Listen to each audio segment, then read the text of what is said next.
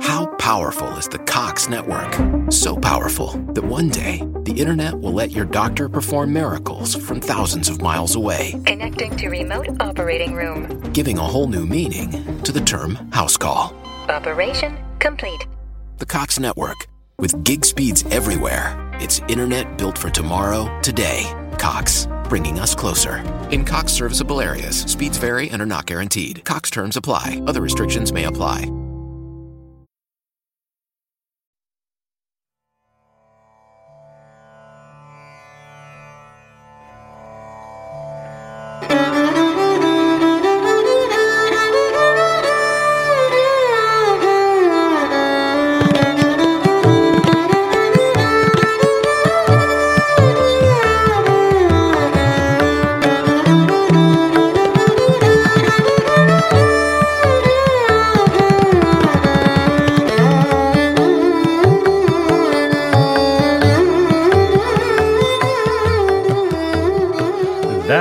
Till en vandring på gamla och nya stigar som den här gången slingrar sig ända bort till det forntida Indien.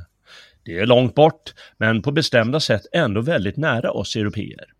År 1786 visade den engelska filologen William Jones, som då arbetade i Indien, att indiernas religiösa språk sanskrit hade släktskap med fornpersiska, klassisk grekiska och latin, liksom med de moderna europeiska språken.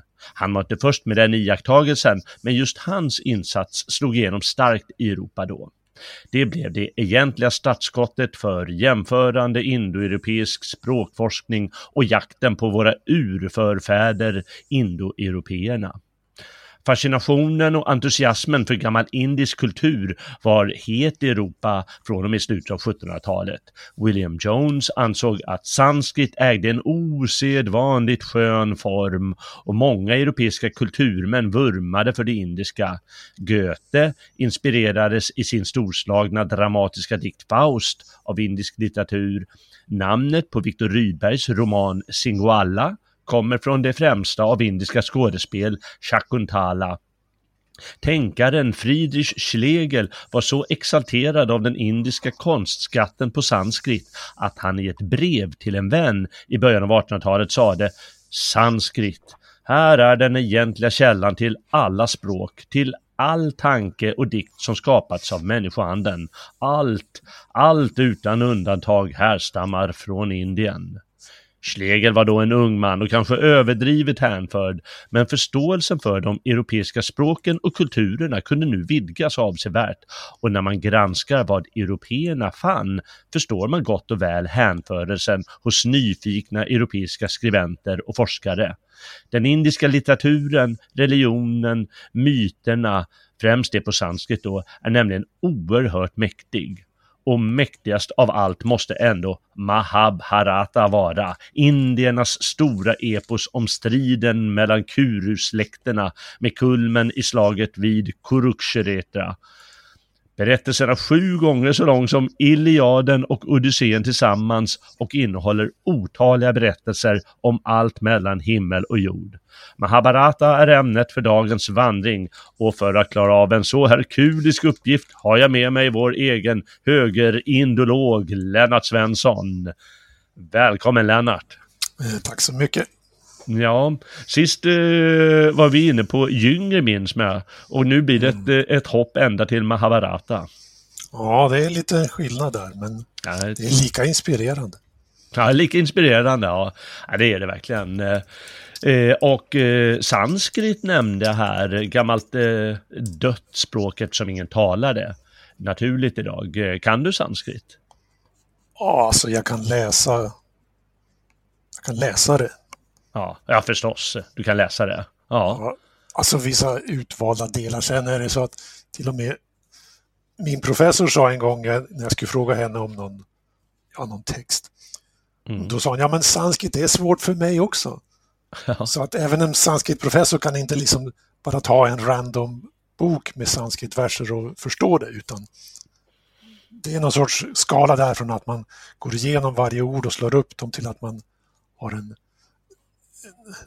ja, så att man kan läsa någorlunda flytande, mm. vissa enklare bekanta texter då.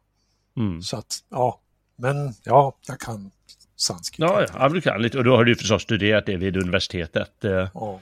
Och heter ämnet indo, ursäkta, indologi då? Ja, det heter indologi och då kan man säga att det här, när vi idag säger indologi, då menar vi klassisk indologi. Mm. För att man kan ju teoretiskt tänka sig att den som studerar Indiens samhälle idag, han är indolog. Det är ju liksom också ett namn. Men Ja, ja. när ja. vi snackar indologi här, då är det klassisk indologi som bygger på klassiska texter, som bygger på sanskrit och sånt där. Just det. Det Så det är en annan attityd att nu är väl Indien idag intressant, men det är liksom det, det är ju ett ämne för sociologer och samhällsvetare, medan Ja, ja. det klassisk indologi, då är man inne på traditionalismen och då är det inne på radikalkonservatismen också, anser jag. Mm. Och jag, fick där, jag har därför skrivit en fråga, varför är det lite så populärt med indisk myt eller religion bland vissa högermän? Eh, Beror, det mest på en, en eh, viss eh, esoteriskt lagd filosof från Italien eller? Ja, det bidrar ju. Ju- Julius Evola, han var ju inne på klassisk indisk kultur och det är även så att i vårt södra grannland Tyskland under 30-talet så vurmar man ju för det, det ariska, arish. För ordet arisk, det kommer ju, det är ju av sanskrit och det betyder ädel.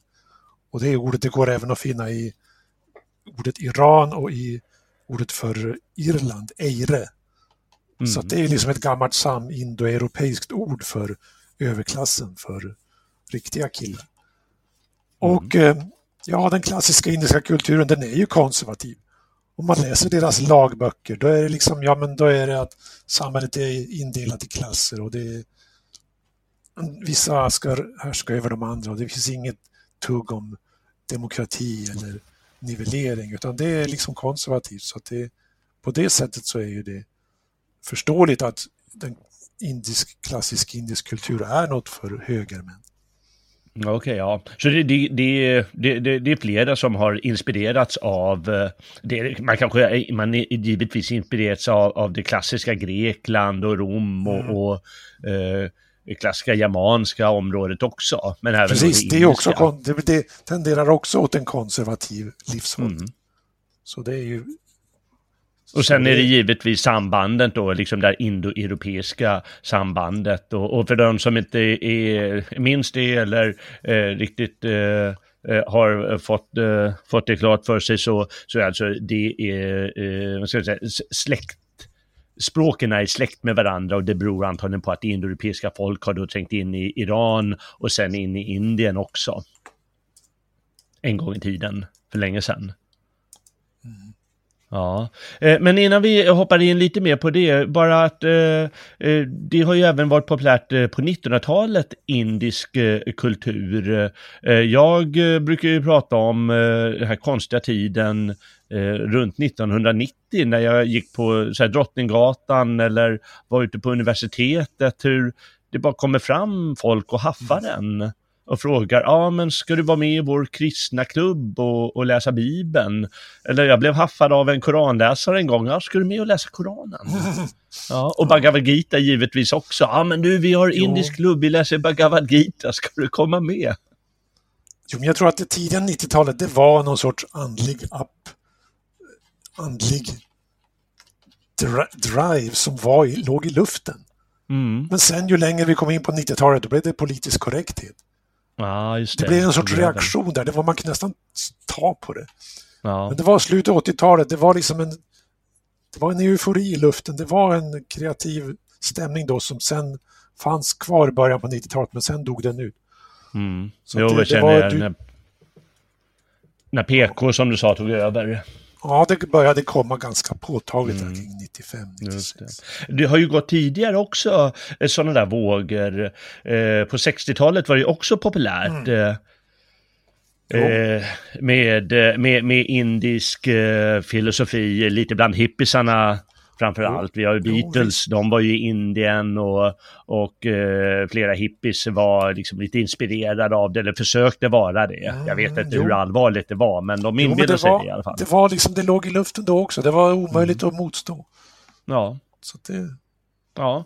Ja, det är spännande att, eh, att eh, det liksom hållit kontakt även med liksom folk, den mer folkliga kulturen och inte bara professorerna som eh, läser sanskrit på universiteten. Utan att även vanliga folk inspirerats och liksom ägnat sig åt det. Mm. Och ska vi försöka göra lite idag också. Uh, och uh, där, jag ska säga det också, jag sa ju det här med, vad heter han, uh, jag tror att det är Friedrich Schlegel, som sa att allt kommer från Indien. Oh. Och jag har skrivit om det någon gång i någon motpolartikel eller någonstans, att den här nyfikenheten som just europeer har, när de bara hittar det här indiska. Oh, precis, så, men Oj, vad ska ägna oss åt det nu. Ja. Är det kinesiskt eller japanskt eller vad du vill? Jo, men det är någon sorts, man kan säga så här, under, under medeltiden då var det eliten i Europa, de vurmade, de vurmade för kristendomen. Och sen, men under renässansen så började man vurma för Rom och Grekland och deras ja, allmänna kultur. Mm. Hedniska kultur också. Och mm. sen efter det, då kom vurmen för det indoeuropeiska och ariska. Så det var liksom succession i vad man såg bort till och vad man inspirerades av. Mm. Så där är vurmen för det indoeuropeiska, det, ja, det är framförallt i Tyskland på 30-talet, men även före det. Så att det, det är liksom del, det är kulturskikt. Man behöver inte ensidigt säga att Indien har allt, men det är intressant att se hur det går i vågor och att man kan när man liksom växer upp som intellektuell, då kan man säga att ja, men man hör tjat om ja, kristendomen är så fantastisk. Man hör tjat om hur Rom och Grekland är så fantastiska. Men sen tänker man, nej, jag ska gå ännu längre bort, jag ska gå till Indien. Och då kan man, göra, då kan man falla i den här fällan som Schlegel säger, men Indien har allt. Där finns ursprunget. Men det ligger ändå någonting i det. För att Indiens kultur, den är mycket äldre än Rom och Grekland och Mellanöstern. Mm. Och det här är ju inte sånt man får läsa i läroböcker, men enligt Rudolf Steiner så är Indiens kultur, den blomstrade år mellan 7000 och 5000 före Kristus. Men det där får man inte lära sig i indologin, det heter bara ja, allting kom med indoeuropeerna och på bronsåldern år 1500. Så att det som är grejen med indologi och Indien det är att det är mycket äldre, det är en mycket äldre kultur och det märks i Mahabharat. Mm. Ja, spännande. Eh, vi får gå in på det här indologi. Det läser man alltså på universitetet och det heter indologi, ämnet, eh, antar jag. Mm. Jo, det heter och, och då läser man alltså eh, forntid, mest forntida indisk kultur, då ja. sanskrit var levande och eh, framförallt det religiösa språket. Men, eh, eh, men man talade väl, antar jag, någon form av, någon variant av det.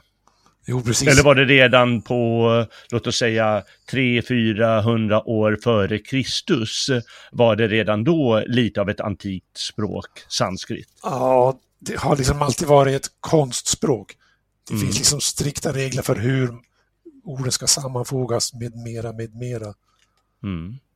Och de där, det tenderar ju det att det kanske i dagligt tal blir lite, att man bryter mot de reglerna. Men liksom mm som konstspråk och som system, som system så har det ändå levat kvar bra länge. Det har liksom inte degenererat textmässigt utan det har liksom levat kvar som textsystem och som sätt att uttrycka sig. Mm. Medan i västvärlden har ju latin, det finns liksom antik latin och så finns det medeltidslatin. För det var mycket lättare att det degenererade i och med att reglerna var inte lika strikta. Men ja, det har sanskritkulturen levde i alla fall bra länge. Och även om man började prata annorlunda så har liksom man har liksom i Indien där har man memorerat texter. Man har memorerat sanskrittexter och det har man gjort långt in i modern tid. Mm. Så det har levat vidare som en något lite på konstgjort sätt, men det har levat vidare. Mm. Man, har, man kan hitta asketer som kan rabbla Rigveda utan att de riktigt förstår det. Men de kan, språket lever på, i så mått. Just det, ja, det är verkligen fascinerande där. Och eh, det är ett skäl till att eh, det finns så mycket kvar av yes. gammal indisk litteratur. Det är ju för att eh, de här braminerna eh, de, alltså prästerna, de har lärt sig, de har lärt sig texterna utan till. Exakt. Och eh, de har lärt sig stora, stora sjok av, eller vi får ju kalla det texter, eh, berättelser och eh, dikter och religiösa mantran och alltihop. Och lärt sig memorera det och verkligen gjort alltså, oerhörda mängd text. Det finns ju, det är ju med sorg man tittar på den grekiska litteraturen. Jag menar, om man bara tänker att det fanns hundra stycken tragediförfattare som vi känner namnet på. Och vi har texter av tre stycken. Jo, och av dem så skrev varje hundra och vi har kvar sju stycken av varje. Så förstår man, okej, okay, den enorma förlust som har skett eh, när det gäller eh, olika former av litteratur och allt vad som kan ha skapats. Mm. Eh, så är det lite bättre på den indiska fronten just att de har lyckats memorera så mycket. Ja, just. Ja, det är fascinerande. Eh, vad, vad, vad, det, vad får man lära sig först när man eh, studerar indologi? Man får faktiskt läsa ett avsnitt ur Mahabharata. Man får läsa en episod, en liten sidoberättelse som, som bjuds genom att de vill belysa någonting. Mm. Och då är det berättelsen om Nala och Damayanti. Just det. För att det är en kung som är i skogen. I huvudberättelsen i Mahabharata mm. är det en kung som är i exil och han är olycklig. Men då får han av en brahman höra en berättelse om en annan kung som var olycklig och då är det kung Nala och hans älskade Damayanti. Och då den, den berättelsen får man läsa i alla fall första tio sidorna och det Ja, det är väl intressant och sådär men jag det som jag tyckte var intressantare det var att få läsa Bhagavad Gita i, i original och få veta vad det stod. Just det. Och Men det är ändå samma, det är ur samma verk. Mahabharata, eller vad säger jag, Bhagavad Gita ingår också i Mahabharata och det är samma versmått. Men ändå, mm. det var liksom intresset för innehållet i det där och ja, det var Bhagavad Gita som jag ville läsa. Och, men i alla fall, man fick lite veta lite grann om eposet också. Mm. Vi ska snart berätta lite vad den handlar om, eller ganska mycket vad den handlar om, den här Mahabharata. Eh, Mahabharata ska jag väl säga, det är, eh, det är ju knepigt där med uttalen och så, men eh, det ska vara en viss betoning på där eh, Bharata. Har jag förstått. Ja. Eh, det, det alltså finns lite uttalsregler. När indier uttalar sanskrit, då uttalar de det med jämnt tryck på alla ord. Mahabharata ungefär. Okej, okay, ja, Medan det går ju inte att prata skol, då. skoluttalet i västerlandet är Mahabharata precis. Vi, liksom, vi i västerlandet, vi sjunger. Vi har en sjungande satsmelodi. Mm. Medan så fort man kommer ner lång, en bit ner i Sydeuropa och österut, det är liksom, där är det kulsprutemattor. där pratar, det är så. där är det folk pratar mer så. Det, ja, det är inte en fördom.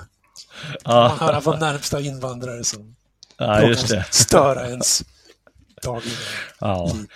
Det är liksom kulsprutemattor. Ja. jo, men det är så. Det är chatter. Mm. Medan vi i västvärlden, vi pratar som om det är en melodi. Ja, visst, visst. Ja. Som en, en eh, kyrkokör i, i Europa som sjunger, de, de har inte det i Mellanöstern, Indien.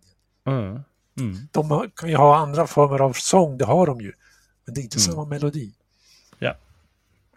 Ja. Men det är sant. Eh, eh, vi, vi kommer säkert beröra lite mer om indologi sen och vi ska säga att eh, Bhagavad Gita då, som de flesta antagligen har hört talas om, den dikten som ingår i Mahabharata, den ska vi också beröra lite.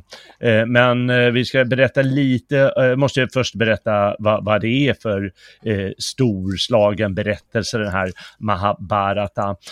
Och Bharata, det är ju ett annat namn på Indien, det stämmer väl? Mm. Ja. Och eh, det, och det är ju ett forntida namn på någon gammal kung, eh, antar jag. Ja, det också. Precis. Och, och, ordet Mahabharata då betyder någonting i stil med, har jag läst mig till, eh, den stora kampen mellan, eller kanske den stora berättelsen om Bharatas ättlingar. Ja, alltså Mahabharata betyder den store Bharata. Den store Bharata. Mm. Och då är det in, underförstått den berättelsen om kriget som Mahabharata var som den store Barata var ursprunget till ungefär. Där har vi det. Det är liksom att Iliaden, vad är Iliaden? Ja, men det handlar, det är Ilion, det är Troja. Mm. Men det är så mycket mer in, innebörds, det är så mycket större innebörd i det ordet. När vi hör Iliaden då tänker vi på kriget mellan ja, de där stammarna i Grekland på den tiden Mm. kring Egeiska havet. Så att Just det. Mahabharata betyder bara den store Bharata. Mm. Men då har det kommit att i vid mening betyda berättelsen om det stora Bharata-kriget. Okej, ja då förstår jag. Mm. Ja, det är ju perfekt. Eh, Ja. eh, jag tänkte att eh, vi, vi, vi går igenom, jag har skrivit en, lång eh, lista här på eh, någon form, form av referat av den här långa, långa berättelsen och vi får väl göra diverse, eh, eh, vi får väl halta då och då och eh, eh, berätta vad vi berättar Ja, om. men du får berätta ostört av mig i alla fall. Jag ska inte. Nej då, ja, ja, precis. Men du får gärna hugga in eh, när du vill eh, liksom påpeka någonting. Ja. Ja, Yes. ehm, och jag kommer... Jag har läst mig till det här på lite olika håll, men inte minst så finns det då en, eh, en översättning av ett urval eh, texter eller berättelser eller små kapitel ur Mahabharata av en eh, person som heter Rolf Jonsson. Det finns i andra böcker finns det lite olika urval också, men den här heter bara Mahabharata, eh, Mahabharata och den kan man ju köpa alltså då. Eh, den är från 2013 och finns väl fortfarande på bokhandlarna eh, om jag förstår det rätt. Eh, och han har också då en, en liten resumé av boken i den. Så om jag säger något fel så beror det på honom och eh, på några till som har gjort sina referat. Eh, För eh, jag antar att inte ens du har läst hela Mahabharata, eller har du gjort det? Nej, då skulle jag inte... Det hinner jag inte göra under mitt liv. Ja, man behöver flera liv. Ja, är det tur skulle- att jag man tid i att att läsa. mena att man föds igen, att reinkarneras? Jag skulle kunna läsa en översättning om jag fick alla 10-20 böcker som det är. Så Ja, skulle just det. kunna klämma igenom dem på ett halvår, men nej, jag har inte läst hela. Nej, okej. Ja, äh, vem, vem har det? Man kan, eh, det? Det är långt, det, var, det är ju, ja, det är jättelångt. Men det handlar alltså om följande. Eh, jag har kallat det ett litet förspel som finns och det är alltså, eh, det här, det här har en, alltså en kosmisk dimension, den här berättelsen. För i, i grunden finns det krig mellan olika gudar, eller mellan gudar och demoner då. Deva och Asura. Och eh, återigen, uttalet kan jag inte lova. Och eh, gudarna står då för dharma som betyder någonting i motsvarande det rätta. Det har flera betydelser. Har du någon, någon bra eh, förklaring på dharma? Jag frågade, har du en eh, bra eh, definition av dharma, begreppet, eh, eftersom det spelar så stor roll i boken? Ja, dharma, det handlar om en... Det betyder religiös världsordning. Det är liksom att Bra. man ska rätta sig efter dharma. Om man Mm. är om man har dharma i sitt liv, då är man religiös. Om man är icke-dharma, då är man irreligiös. Mm. Så det är okej. ett mycket kärnfullt ord och det förekommer ju som sagt ofta i Mahabharata. Men ja, Ja, men det, det låter ju väldigt Ja. bra, för gudarna står ju för den här ordningen, så du säger, världsordningen, medan de här demonerna, de luckrar upp det. Det, det, det finns ju i många eh, religion, religioner det där. Ja, bra. Eh, Och det här kriget, eh, det försiggår i himlen, men eh, gudarna besegrar de här assurerna, eh, men som, som sker i Indien så reinkarneras de och då reinkarneras de på jorden, de här demonerna. Och där slutar med att de plågar alla jordens varelser efter, efter ett tag och då måste gudarna eh, låta sig inkarneras på jorden för att fortsätta kriget Mm. mot de här eh, demonerna. Och det kommer eh, mänskligt sett att ha plats mellan två släkter som kallas pandaver och kauraver.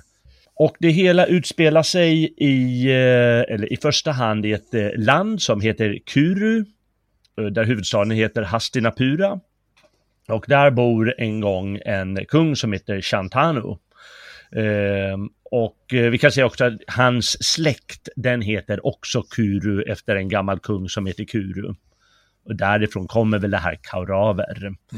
Den här kungen Shantanu, han gifte sig med en eh, flicka som heter Satyavati, för han tycker hon är så vacker. Men eh, fadern sätter villkoret att bara hennes barn ska bli tronarvingar och inte den prins som han har från något tidigare, eh, en tidigare kvinna, och prinsen Bisma. Problemet är bara att hennes eh, söner som hon föder, Satyavati, de dör vid ung ålder. Och eh, för att säkra tronföljden då måste de här sönernas fruar, de måste ligga med, eh, eh, vad heter eh, en viss Vyasa och det är hennes son från eh, något tidigare äktenskap. Och här kommer det också en mytisk bild in i det. Han är väldigt ful tydligen, den här Viasa, och han luktar väldigt illa.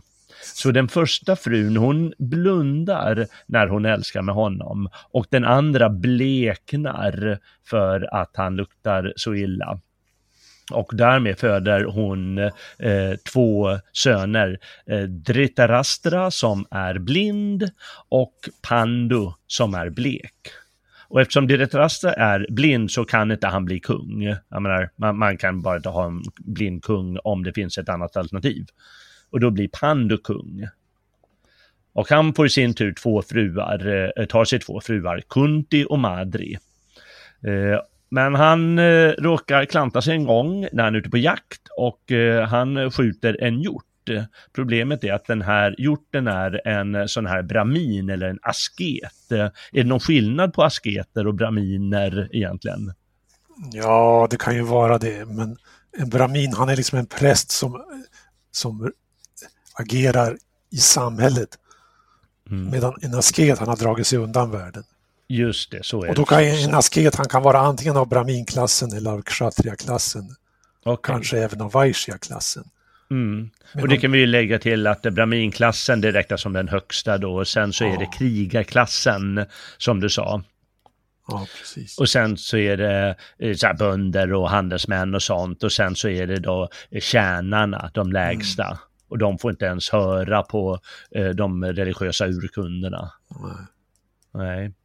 Just det, okej, okay, men vad bra att du sa det. Han sårar den här hjorten och det råkar alltså vara en asket som är i hjortgestalt. Eh, för de är ju liksom magiskt kunniga och kan förvandla sig. Och asketen han blir arg eh, och lägger en förbannelse på Pandu att om han bedriver älskog då kommer han att dö. Problemet är att han äger inga söner och han kan inte skapa nya söner nu. Eh, men då är det så lyckligt att hans eh, hustru Kunti, hon har ett mantra eh, som hon har fått eh, för sin dygds skull. Och det är alltså en berättelse som finns i Mahabharata då, hur hon har fått det. och det, med det mantrat som hon har fått av en annan bramin, en mäktig bramin, då kan hon frammana en gud och få honom till vad hon vill. Eh, och hon har provat det en gång tidigare och det funkade. Det var lite motvilligt som jag förstått, men med det födde hon sonen Karna.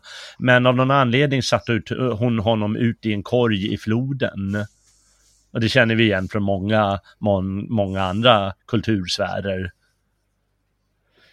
Och, eh, men nu när hon har det mantrat då avlar hon eh, eh Judistra med eh, guden Dharma och eh, en viss Bima, eh, en ny son, med vindguden Vayu, med Indra, det, det är väl en krigsgud får man väl säga. Mm. Ska, avlar hon Arjuna och eh, den andra hustrun Madri, hon vill också prova den här fina mantat minsann. Så hon avlar tvillingarna Nakula och Sahadeva med ett par tvillinggudar som heter Asviner. Och eh, det är då Pandus fem söner som kallas pandaver då. Eh, och det här är då en del av gudarnas plan, nämligen att eh, låta inkarnera sig i de här pandaverna för att föra vidare en kamp mot assurerna. Och assurerna i sin tur har alltså fått ta plats eh, i, i nästa släkt som ska säga nu. Och den här Dretarastra, den här blinda mannen, han finner sig en fru eh, som heter Gandari eh, och eh, hon eh, blir gravid, men två år blir hon gravid.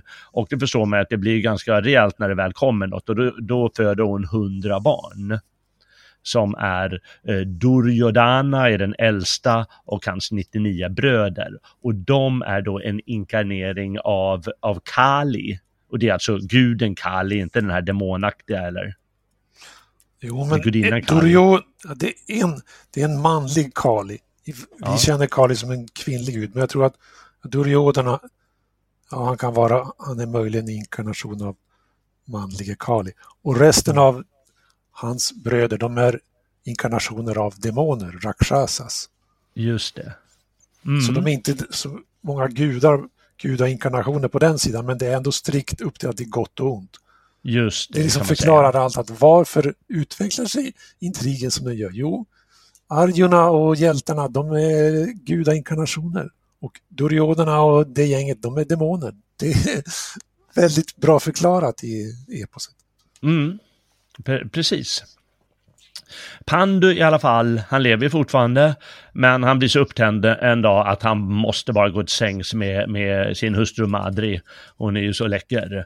Och då dör han förstås. Ehm, eh, och eh, då blir det istället eh, Dretrastra, trots att han är blind, eh, kung eftersom eh, den äldsta pandusonen Judistra det första barnet, eh, eh han är inte tillräckligt gammal än, så han är inte myndig. Men eh, då är då eh, Duryodhana, det vill säga eh, demon, Kali-inkarnationen, mm. han tål inte att Judistra ska bli kung en dag och därför vill han döda pandaverna. Och det är alltså på det mänskliga planet, men på det kosmiska planet så är det förstås en, en grundkamp mellan de här olika krafterna. Nåväl, eh, vi springer vidare. Duryodhana, han lurar de här pandaverna och Kunti eh, till ett hus där de ska brännas inne, fast de lyckas komma undan och eh, gömmer sig som braminer i en skog och eh, tar sig Eh, eh, eh ja, de tar sig snart till ett grannland där eh, kungen heter Drupada och han, han vill eh, hämnas på en person som heter Drona Eh, och det är, eh, som bor i det här Kurulandet. Eh, han har varit eh, vapenlärare åt de här pandaverna bland annat. Eh, och eh, det, det, är liksom en gammal roll de har. Och för att lyckas med det så ber han två mäktiga braminer att skap, förrätta ett särskilt offerrit som ska vara mäktig. Och ur den här riten så skapas då en stark krigare som heter, oj något så svårt som eh, Drysta Djumma. Och inte minst skapas också eh, den undersköna kvinnan Draupadi. Och eh, Arjuna, eh, de, de kommer ju, de här eh, vet jag, pandaverna kommer ju till hans stad. Och eh, då, där ska de delta i en bågskyttetävling och den vinner Arjuna. Han är den enda som lyckas spänna en, eh, en, båg, en särskild båge där. Och som pris får han den här Draupadi. Eh, sen uppstår ett litet problem när de kommer hem.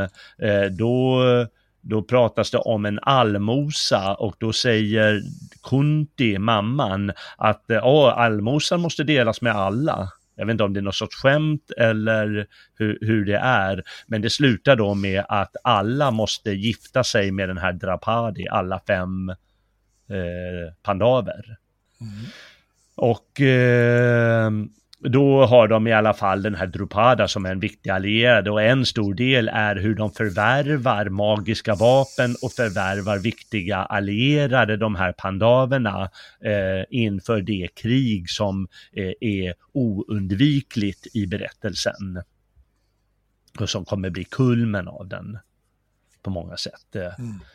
Eh, pandaverna får i alla fall till slut en del av eh, sitt kungarike där. Eh, Kuru eh, av Dhritarashtra, de, de begär inte så mycket men eh, liksom det de får, en, en vild skog, då lyckas de skapa mycket av det, inte minst en stor eh, vacker huvudstad som de döper till Indraprasta.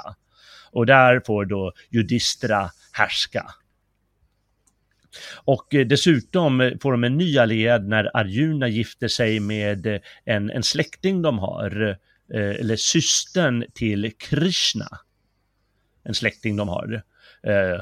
Och Krishna, han är en inkarnation av Vishnu. Och i, under den här, i den här boken i alla fall, då är väl Vishnu den, den mäktigaste guden. Är det så? Mm, jo, det är en väldigt vishnuistisk urkund där, Mahabharat.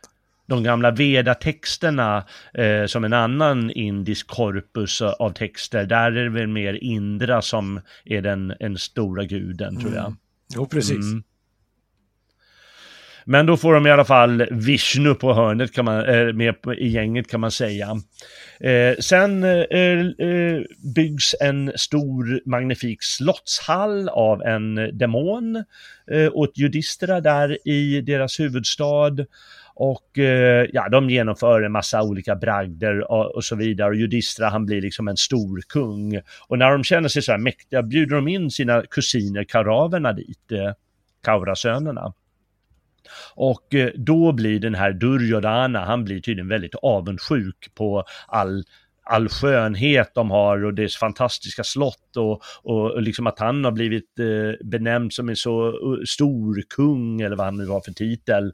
Och då ska han eh, minsann se till att de eh, förskjuts på bästa sätt, de här Pandava-bröderna. Så han utmanar honom, honom på tärningsspel i Hastinapura, alltså utmanar judistera. Eh, och han låter morbrodern eh, sköta det där. Hans morbroder Sakuni, han är nämligen eh, mästerfuskspelare. Han har ett par fusktärningar förstås. Och Judistra, han kan inte låta bli att komma dit och spela. Så de, eh, eh, och han, han råkar ut för speldjävulen givetvis.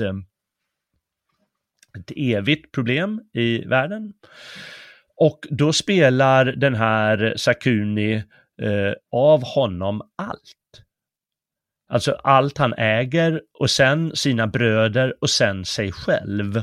Och sist eh, så spelar han även bort Draupadi, den här flickan, alltså som är gift med alla fem bröder. Och hon tvingas då dit under förnedrande omständigheter. De släpar henne i håret mer eller mindre och ska slita av henne kläderna. Och eh, det är rätt, eh, jag läste den igår också, som, för den finns med i urvalet här. Eh, spännande berättelse, för hon säger nämligen de magiska orden där att, men vänta nu, var Judistra herre över sig själv när han spelade bort mig? Och han har ju spelat bort sig själv innan det, så han borde egentligen inte ha någon makt över det. Och det blir stor dispyt där vid hovet hur de ska, hur de ska lösa det. Men de struntar i det helt enkelt och säger, ja men eh, bortspelat är bortspelat. Eh, eh dock eh, uppstår vissa omen då Eh, som gör dem rädda för att eh, det har gått lite för långt det här. Alltså gudarna, gudarna är nog mot sånt här och då stoppar Dristra, den gamla blinda kungen, eh, spelet och Draupadi får ett par önskningar och då önskar, önskar de brödernas frihet och förmögenhet och då får de faktiskt återgå. Men Duryodhana, han lyckas lura sin pappa att få fram ett nytt härningsspel, mm. men med lite mindre insats nu och förlusten ska innebära 12 års förvisning till vildmarken och så ett år på någon folkrik plats utan att bli igenkänd. Och givetvis vinner han igen och pandaverna, de måste eh, de, de måste helt enkelt förvisas i 12 år nu. Men nu har alltså en sån fruktansvärd fiendskap eh, eh, säga, etablerats mellan kusin, kusinerna inte minst genom skändandet av den här eh, Draupadi. रंग पिचकारी मत मारो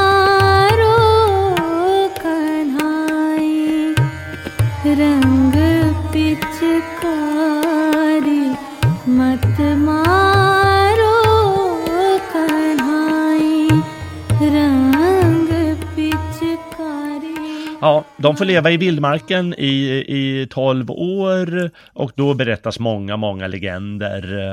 Eh, bland annat den du eh, sa mm. där om Nala. Den berättas väl i avsnittet antar jag? Yes. Mm.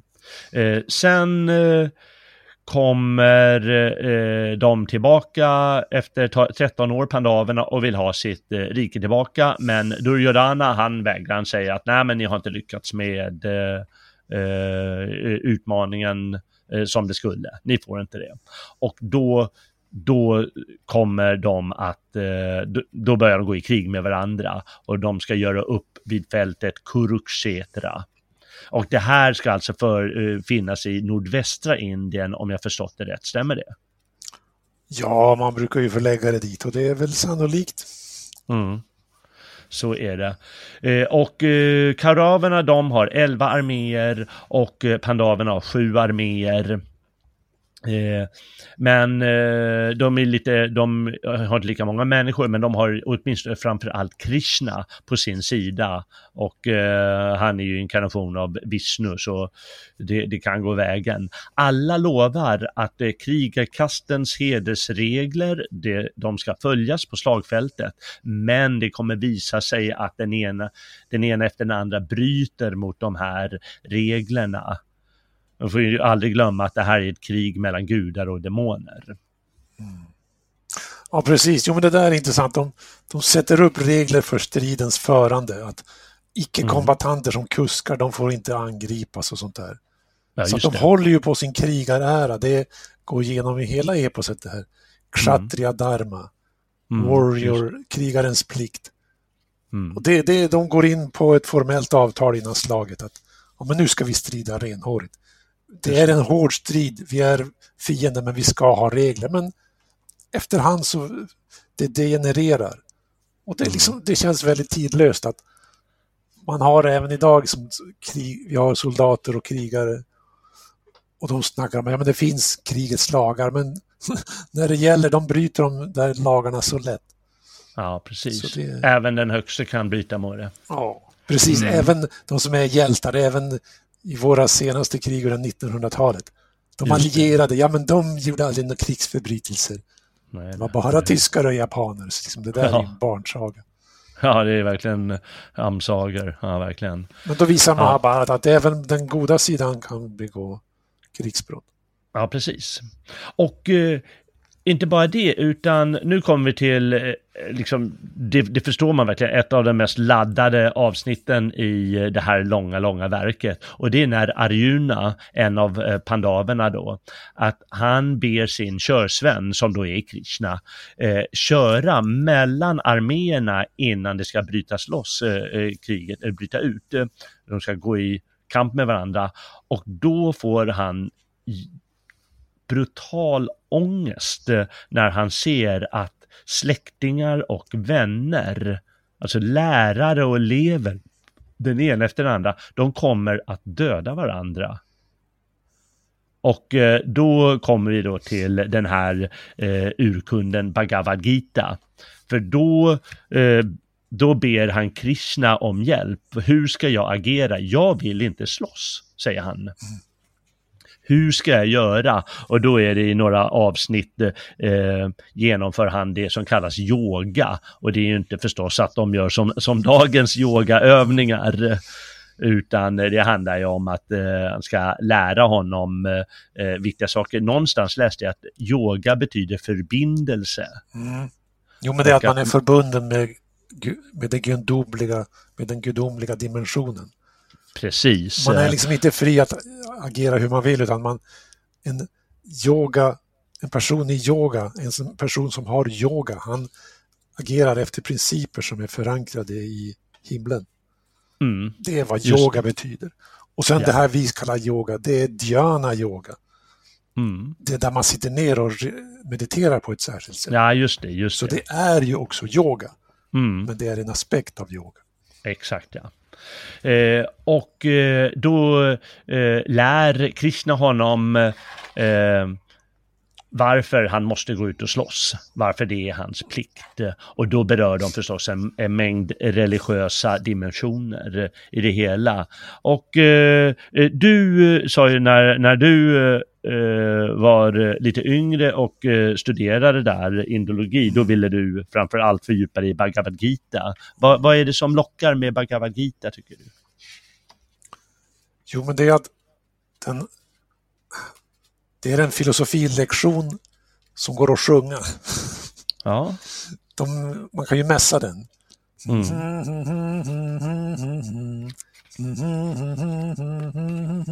Så där går ju nästan hela Mahabharata. Mm. Men alltså det är en filosofilektion som är väldigt distinkt och den tar upp olika begrepp då som buddhi och yoga och eh, atman och brahman. Mm. Och liksom det, ja den gör det väldigt distinkt. Den är ju, om man, Bhagavad Gita i översättning, det är ju bara, det är ju bara en bok på cirka hundra sidor. Mm. Men att då gå in och titta på varje vers för sig och se vad som verkligen står, det är det som är det spännande. Och då är det, mm. det är en lättillgänglig form av, av indisk filosofi för att om man jämför med en tidigare urkund som heter Rigveda, den är ju nästan obegriplig. Ja, Eller så innehåller den bara hymner som säger att guden X är en väldigt god gud. Kom och hjälp mig. Mm. Halleluja. Medan då Bhagavad Gita är väldigt lätt att förstå, den är väldigt transparent. Mm. Och det, den är ju väldigt laddad, så, som jag sa här, att eh, jag måste nästan läsa lite eh, i, i början här först. Eh, för jag tycker det, det, det är så starkt, hans, eh, hans känslor här. Och han är liksom en av deras bästa krigare. Mm. Han är liksom krigardygden personifierad, eh, Arjuna. Och så har han, och så har han gått och blivit pacifist. Han så blir han pacifist plötsligt och han säger eh, så här. O Krishna, då jag skådar mina fränder som längtar för att få möta mig i strid, då svika mina lemmar, tungan låder invid min gom, jag darrar och mitt hår sig reser högt av fasa. Min lekamen blir het och bävande, Gandiva faller ut ur min hand, det är hans båge. Jag vacklar och min själ förvirras. Onda tecken, Keshava, omvärva mig. Ej heller kan jag vänta att något gott ska bliva mig till del om jag i striden dräper mina fränder. Ty jag och Krishna önskar icke seger, ej heller kunglig värdighet och njutning. Vad är allt detta? Vad är själva livet för människan? Och så fortsätter han eh, eh med sin eh, eh, vad ska man säga, ångestladdade eh, dikter, hur, hur, hur otroligt syndig han känner sig och att det, det där kriget som, som är oundvikligt, det är bara skit. Han är en pacifist som du säger. Och då är det dags för Krishna att lära honom. Jag tror det är oerhört, man ser ju framför sig, det liksom står eh, arméer och det, det sägs ju att det är en och en halv miljard människor som stupar i kriget. Det är alltså många människor, stora arméer som står mot varandra och så står han i mitten av dem och tittar till höger och vänster och bara känner hur hjärtat grips. Ja, och dessutom, jag menar, det är lurar som, alltså de, de, de tjuter i lurarna och slår på pukor. Eh, och eh, det är liksom, det är så otroligt starkt. Nu ska vi egentligen göra upp. Och så får han sin ångest där. Mm. Jag tycker ju att eh, en, en stark del av det här är också att han inser då att, eh, jag menar på det mänskliga planet, eh, på det kosmiska planet är det gott och ont som står mot varandra, men på det mänskliga planet då blir det ju inte det. Och det tycker jag är så starkt i, i, i Mahabharata och även då i till exempel Iliaden att det är ju vänner som slåss mot vänner. Ibland så i Iliaden, då stannar de ju till. Nej men titta, fiender möts på slagfältet och byter vapen med varandra för att deras föräldrar var bästa kompisar. Mm. Och det är väldigt starkt det här när, eh, när det inte är liksom det goda mot det onda. Och det kan ju bli för mycket av det till exempel i tolken. Ah, men det spelar ingen roll om jag dödar en miljard orcher, för det är bara orcher. Ja, Eller i Star Wars, eh, ja men de är ju bara kloner de vi dödar ändå, de här soldaterna, så spelar det ingen roll. Men här är det liksom eh, mycket mer laddat då. Och det tycker jag är starkt. Eh. Ja, hur, hur, hur löser Krishna den här nöten för Arjuna? Vad lär han honom? Ja, han säger att enligt Dharma så ska en kshatriya kämpa. En krigare alltså? Ja, Mm. Det är liksom Dharma, ens egen Dharma är det viktigaste. Man ska, det är bättre att utföra sin egen Dharma lite halvhjärtat än att utföra en annans Dharma väl. Mm. Man ska liksom se till sin, sin egen situation, sin sociala situation. Mm. Och det där har egentligen, och då därför ska man kämpa i ett krig och döda. Och det där har egentligen, det är lite svår, en svårknäckt nöt för dagens fromma människor att säga, ja men hur ska vi tolka det här? Mm. Jo, men då är det att ja, men det är en liknelse för livets strid och det, det handlar inte om att ta till vapen utan det handlar om att stå för rättvisans principer. Så att Mm. det där kan man ju ha olika åsikter om, men det, ja, de får det i alla fall till att den sociala dharma är viktig och den ska man följa. Mm. Jag tycker det är faktiskt en väldigt viktig lärdom det där. Jag brukar ofta prata om att folk måste axla sina roller mer. Ja. Istället för att bara vara en individ som, ja men jag känner det och det och det Ja. och det. Som individ så borde de axla en social roll Ja. med sitt dharma och med sina plikter. Och så måste man följa det helt enkelt. Precis, och det där det kan ju även tolkas, ja, det är liksom radikal konservatism. Man ska kämpa för sitt land, man ska försvara sitt land och sin familj. Mm. Och det där, går i, det där är egentligen ingen konflikt med andra religioner. Man kan liksom fråga änglarna där uppe, ja men hur är det? Har man rätt att ta till vapen för att försvara sitt land? Ja, det har man. Definitivt, det säger alla religioner. Ja, men vad sen då gudarna och änglarna kan säga det är att du har inte rätt att eh, dra iväg på ett erövringskrig. Och det kan man ju förstå, också Mm. ur, regelmässig synvinkel. Mm. Men det är liksom glasklart ur alla religioners, alla traditionella attityders synvinkel, det är att man har rätt att ta till vapen för att försvara sitt land. Mm. Och det där, det, det snackas inte mycket om idag, för idag är det bara åh, pacifism, åh, lägg ner vapnen, åh, det är så ondskefullt att göra värnplikten och det är så ondskefullt att bli legosoldat, yrkessoldat. Men nej, det har stöd i alla religiösa urkunder, inklusive och framförallt Bhagavad Gita.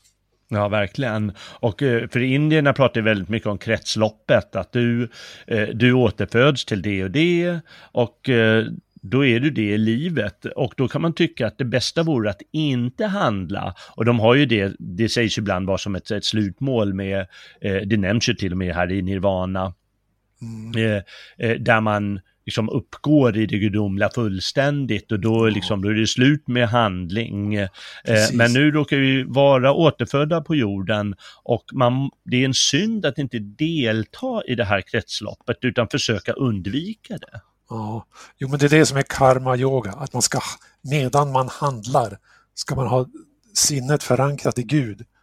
Mm. Och man ska inte handla själviskt utan man ska handla med eh, gudomligt sinnelag. Och Mm. eh, då är det så att i Mahabharata och i andra urkunder så hyllas ju även eremitlivet. Mm. Där folk som har dragit sig undan det hela och faktiskt socialt inte bryr sig ett dugg om hur de är födda. De Mm. bryr sig inte om sin mor eller far, utan de har vänt världen ryggen. Och det idealet hålls ju också fram. Men något mindre i Bhagavad Gita, för där är det det att man ska delta i livet, man ska handla. Mm. Handlingen i sig, det är lite grann som protestantism. Att, eh, ja, nu finns det olika aforismer för hur det där, hur, hur af, protestantismens mm. etos är, men det är att man genom att arbeta så tjänar man Gud. Ja, just det. Och det speglas, det är samma som i Bhagavad Gita, det är karma yoga. Man ska handla, man ska utföra sin dagliga plikt i samhällslivet och i livet i stort. Men mm. huv, huvudsaken är bara att man är inställd på Gud. Och det Just är som det. en protestant, han handlar, han kan vara en flitig affärsman och flitig bonde och flitig vad som helst. Men mm. just där genom att han har insikt, sinnet inställt på Gud så förgylls hans handlingar. Mm. Ja, och om man genomför det här rätt då, då når man det som alla som utövar yoga idag också med sina övningar, eh, nämligen den jämvikt och balans i själen som man vill åt. Mm. Då, då, liksom, då kan man rent av, även här på jorden, känna av den här att stå bortom motsatsernas spel Precis. med varandra. Och det är ju förstås eh, eh, målet för hela den här indiska själen. Även då asketen, han gör ju det i, i extrem form och kanske lyckas med det när han kan strunta i allting som du sa. Men även då eh, krigaren eller tjänaren, om han bara uppfyller sin plikt och sin sociala plikt och, och de andra eh, plikterna han har i livet, då kan han också nå ett sådant stadium av jämvikt. Eh, och, för, för, för och, och som jag har förstått det så, jag läste någonstans att eh, den som lyckas med det, han skiljer inte på en lärd människa eller en ko eller en hund eller rent av en hundätare. Och inte heller på vän eller fiende. Och det är ju det som är Arjunas problem. Han håller på och skiljer på, ja men det är min vän och det är min fiende och jag vill inte slåss med honom mm. eller han, han liksom inser vad, vad som är vad här och uh, att han bara måste, han måste göra det han ska göra. Ja, man ska, ja, det, det är väldigt så här, vad heter det, from, a saint, vad heter det? Uh, Ett helgon. Mm. Ett helgon, han ser liksom Gud, gudagnistan i allting. Mm. Och det sägs ju i Bhagavad Gita och kanske i andra urkunder att ja, men, se gudagnistan i allt. Men mm. utifrån det ska man inte bara vara något med här utan man ska även utföra sin plikt. Mm. Men liksom på, på lång sikt är det att man ser gudagnistan i allt och då kan man, ja då, har man, då är man en vis, from man. Och det är mm. det som gör Bhagavad Gita till en favorittext för eh, dagens helgon och guru. Så att Ja, den säger det. det som det är liksom kristendom, att ja, men alla har gudagnistan inom sig, alla är lika. Ja. Så man kan även läsa ut det ur Bhagavad Gita. Det är det som ja, det kan man väldigt, göra. väldigt komplex. Ja, men jag brukar alltid påminna dem om vad den verkligen handlar om. Det handlar om en man som lär, måste lära sig att döda sina kusiner. Ja, jo, men det är en nykter uppvaknande. ja, men det är ju ett nyktert uppvaknande, för det är ju faktiskt det det handlar om. Han, han, måste lära sig att göra det för att ära sin familj och sitt hem, som du sa. Mm. Ja, eh, vi får se om, vi, om jag eh, hittar något vettigt ställe eh, där ur eh, den sen igen, Bhagavad Gita. Men, men vi ska väl gå vidare. Nu, nu eh, ska de ju börja slåss nu, för han, han får ju lära sig att eh, du, du måste delta i slaget och då gör han det, Arjuna. Och pandaverna, det går bra för dem i början. De lyckas ganska snart eh, döda tre av kauravernas eh, eh, främsta befälhavare. Bisma, som vi nämnde i början, han som avstod tronen.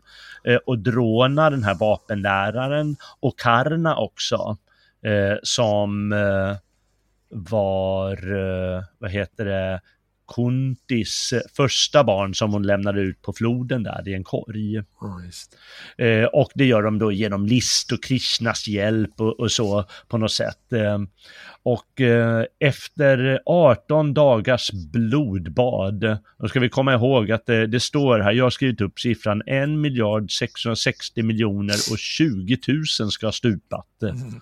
Ja, det är många det.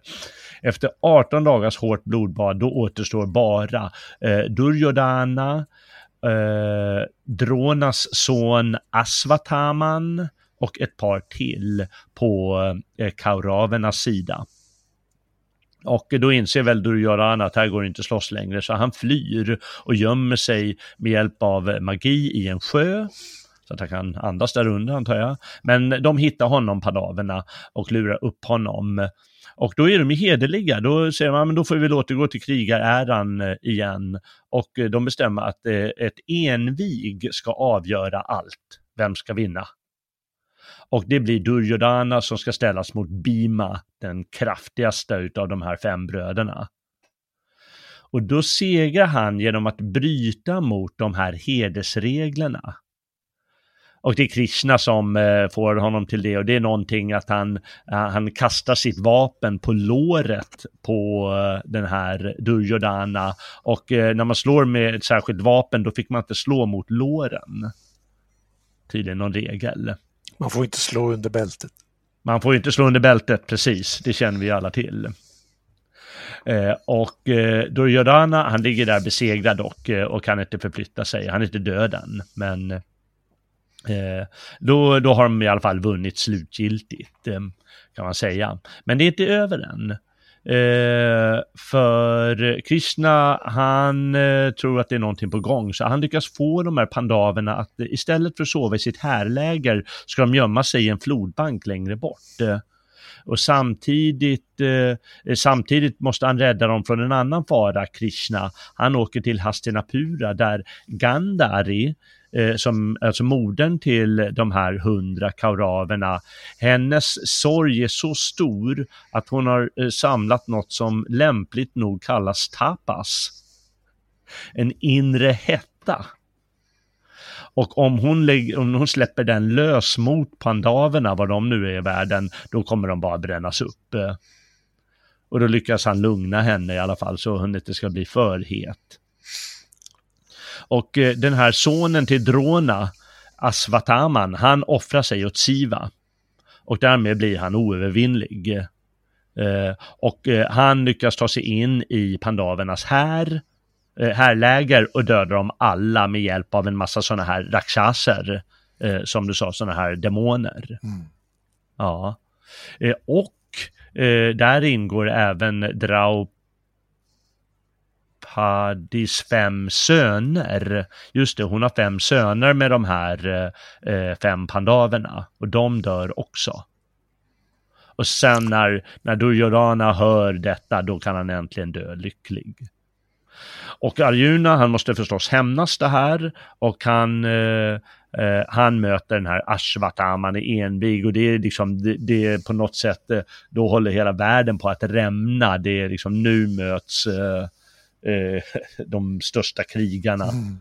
någonsin. Men Arjuna han kan segra för han har bättre magiska vapen. Men den här Ashwataman, han eh, i sin besvikelse till slut slungade han sitt vapen mot pandavernas sonhustrur så att deras ättelinjer ska slockna. För väldigt mycket handlar ju om det, att eh, hur ska man få ättelinjen att fortsätta?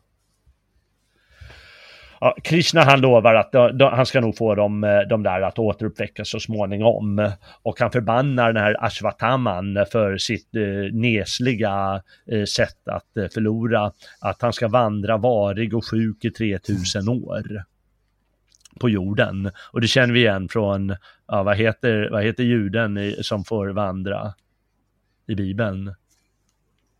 Ahasverus. Heter han inte Ahasverus?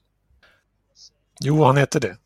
Han heter, Ahash, han heter Ahasverus. Aha, ja, ja det har du ju rätt i. Ja, så heter ja. han ja. ja. Han måste också gå evigt på jorden eller någonting, lång tid i alla fall. Eh, eh, Krishna, han, blir, han får också en förbannelse att han ska dö så småningom. Och nu kommer en intressant vändning i boken. Eh, och det är, hur ska de, hur ska de kunna fortsätta de, liksom, de får lite ångest eh, allihopa för sin vinst eh, över motståndarna. Eh, de här fem pandav, eh, pandasönerna.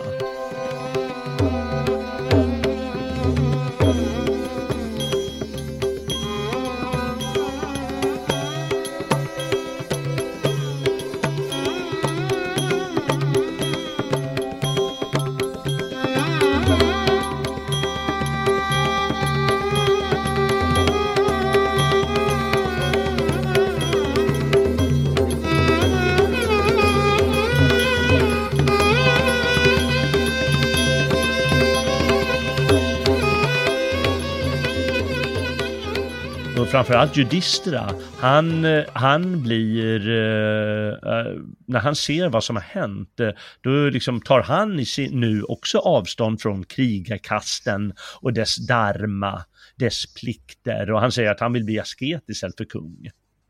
Mm. Men uh, han, de övertalar honom att det, det, så, så kan man inte göra.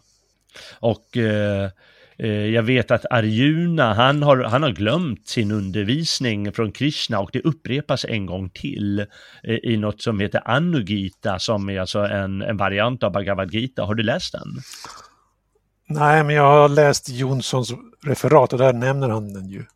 Ja, ah, just det. Och det är ju så att jag råkar ju, jag köpte i våras en engelsk översättning av Mahabharata.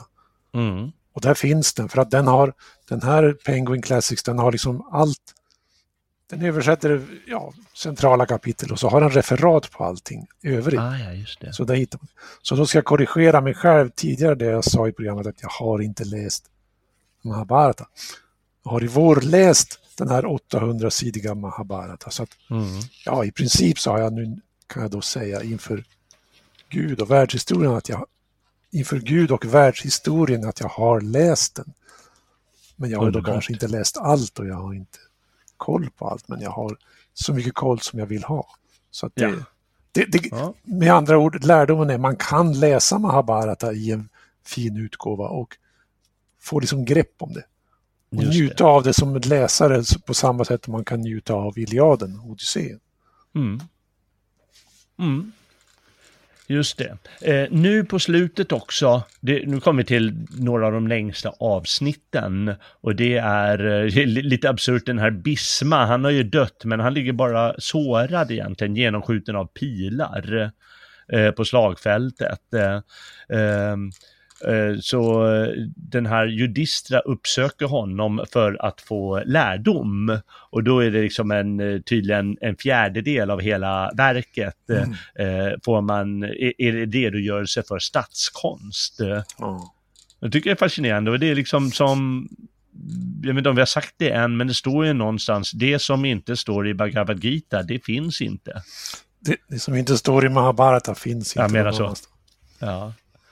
Eller det står så här, det som finns, det som sägs här sägs också på annat håll. Men om det mm. inte står i Mahabharata så finns det ingenstans. Just det. Det är det som är formeln, att Mahabharata är så bred, den omfattar så mycket så att ja, man kan som sagt då få sig en lektion i statskunskap som håller på i oändligt lång tid. Ja. Och det kan man då inflika, det är det som gör Mahabharata lite att den, den, saknar en sorts konstnärlighet ibland.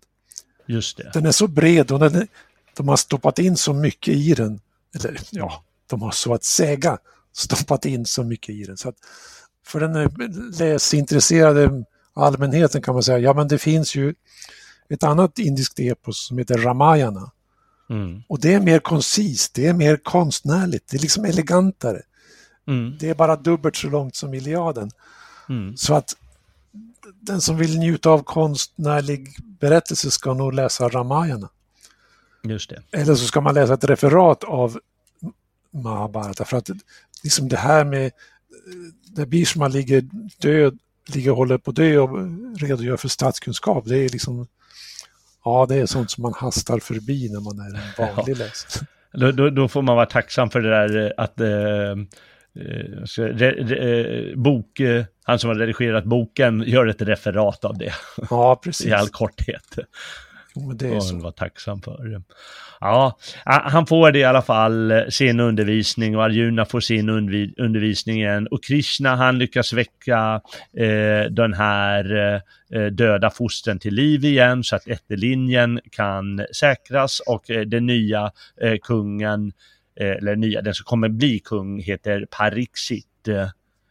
Eh, och han kommer vara far till en kung Janna Majeva som eh, barden, oj, ska vi se, Vaisampayana reciterar Mahabharata för. För oh, i Mahabharata, där står det ofta Vaisampayana eh, berättade, eh, eh, Janumeya frågar och så kommer text, läggs mm. texten mm. ut. Eh, sen utför de diverse offer för att eh, rena sig från krigets synder och i samma veva lyckas de mer eller mindre eh, lägga under sig större delen av Indien. Mm. Och så styr de i 15 år och sedan tycker de att det är dags att bli asketer. Och först ut är Dhritarashtra, den gamla blinda kungen, och Gandhari, hans hustru, och Kunti, Arjunas eh, hustru. De blir asketer och dör efter ett tag. Eh, och eh, nu har de också fått eh, eh, visioner av alla stupade krigare. Att de är försonade i himlen. Och 36 år efter slaget, eh, eh, då, då, då dör Krishna eh, av den här förbannelsen. Och det, det är ju rätt häftigt, det står att eh, ett eh, gammalt groll från kriget, eh, det väcks när de är berusade, hans eh, folk. Eh, de har väl någon stor fest och då slår de ihjäl varandra allihopa. Mm. Och eh, han går ut i vildmarken, eh, Krishna, och sätter sig i yogatrans inför döden. Och eh, en jägare tar honom för gjort, det har vi hört förut, och skjuter honom i fotsulan. Och tydligen den enda platsen han är sårbar eh, på. Och det känner vi, det är samma story som i Achilles. Arjuna, han har inte längre kraft att spänna sin båge och han kan inte använda sina andra magiska vapen. Och eh, nu förstår ju alla vad det handlar om. Vyasa, eh, han förklarar att eh, pandaverna, de har uppfyllt sin uppgift i världen. Tiden är ute för dem. Och då är det ett litet efterspel att bröderna, Pandus, eh, Pandusönerna, de och Draupadi, de beger sig jorden runt. Eh, eh, de lämnar Hastinapura där de har blivit kung och gör det och de åtföljs av en hund. Och det, det, kan de göra i närmast yogiskt tillstånd, att de kring, kringvandrar jorden hur som helst. Och sedan sätter de eh, fart mot eh, berget Meru och det är alltså ett, ett kosmiskt berg, eller vad ska man kalla det för? Ja, det är världsberget. Mm. Det är som världsträdet hos oss kanske. Ja, det är ett magiskt gudomligt berg där. Mm. Mm. Världen har sitt centrum. Ja, världen har sitt centrum där ja. Och på den färden dit, då dör alla utom Judistra och hunden. Och nu eh, uppenbarar sig Indra för Judistra och erbjuder plats på sitt flygande skepp. Men uh, hunden kan han glömma. Eh, det ansågs, eh, ansågs som smutsigt djur enligt indierna, precis som många andra. Eh, då vägrade han judisterna, nej men det går jag inte med på. Och det var egentligen en prövning, för hunden är egentligen Dharma, hans far. Och då får han som första varelse någonsin kroppsligen komma till himlen. Och där möter han eh, Duryodhana i skön majestät som har upprättats då efter eh, efter kriget och förlusten och alltihop. Men sina bröder träffar han på eh, i en helvetesplats, eller vad man ska kalla det för. Eh, eh, den här helvetesplatsen och då förbannar han Dharma än en gång på grund av gudans orättvisa. Att hans söner, de ska hamna i helvetet, de var ju de goda ju. och då då ber gudarna, ah, ja men nu har du sett bröder, nu får du lämna platsen. Men då vill han helst stanna hos dem. Och det är då det sista provet, en sista prövning. Och nu kan judistra, eh, judistras kropp eh, läggas bort och kan komma till himlen med sin själ och där återse alla i slaget eh, som gudomliga gestalter. Och äntligen är Mahabharata slut. mm.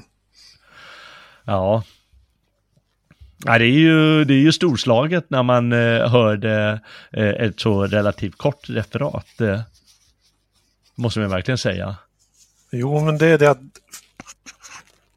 när man levat med den här berättelsen i ett par år, då kan man både gilla äventyret och berättelsen, men sen kan man också gilla alla små aspekter. Man kan till och med läsa eh, den här Biersmas föreläsning om statskonst och hitta grejer där.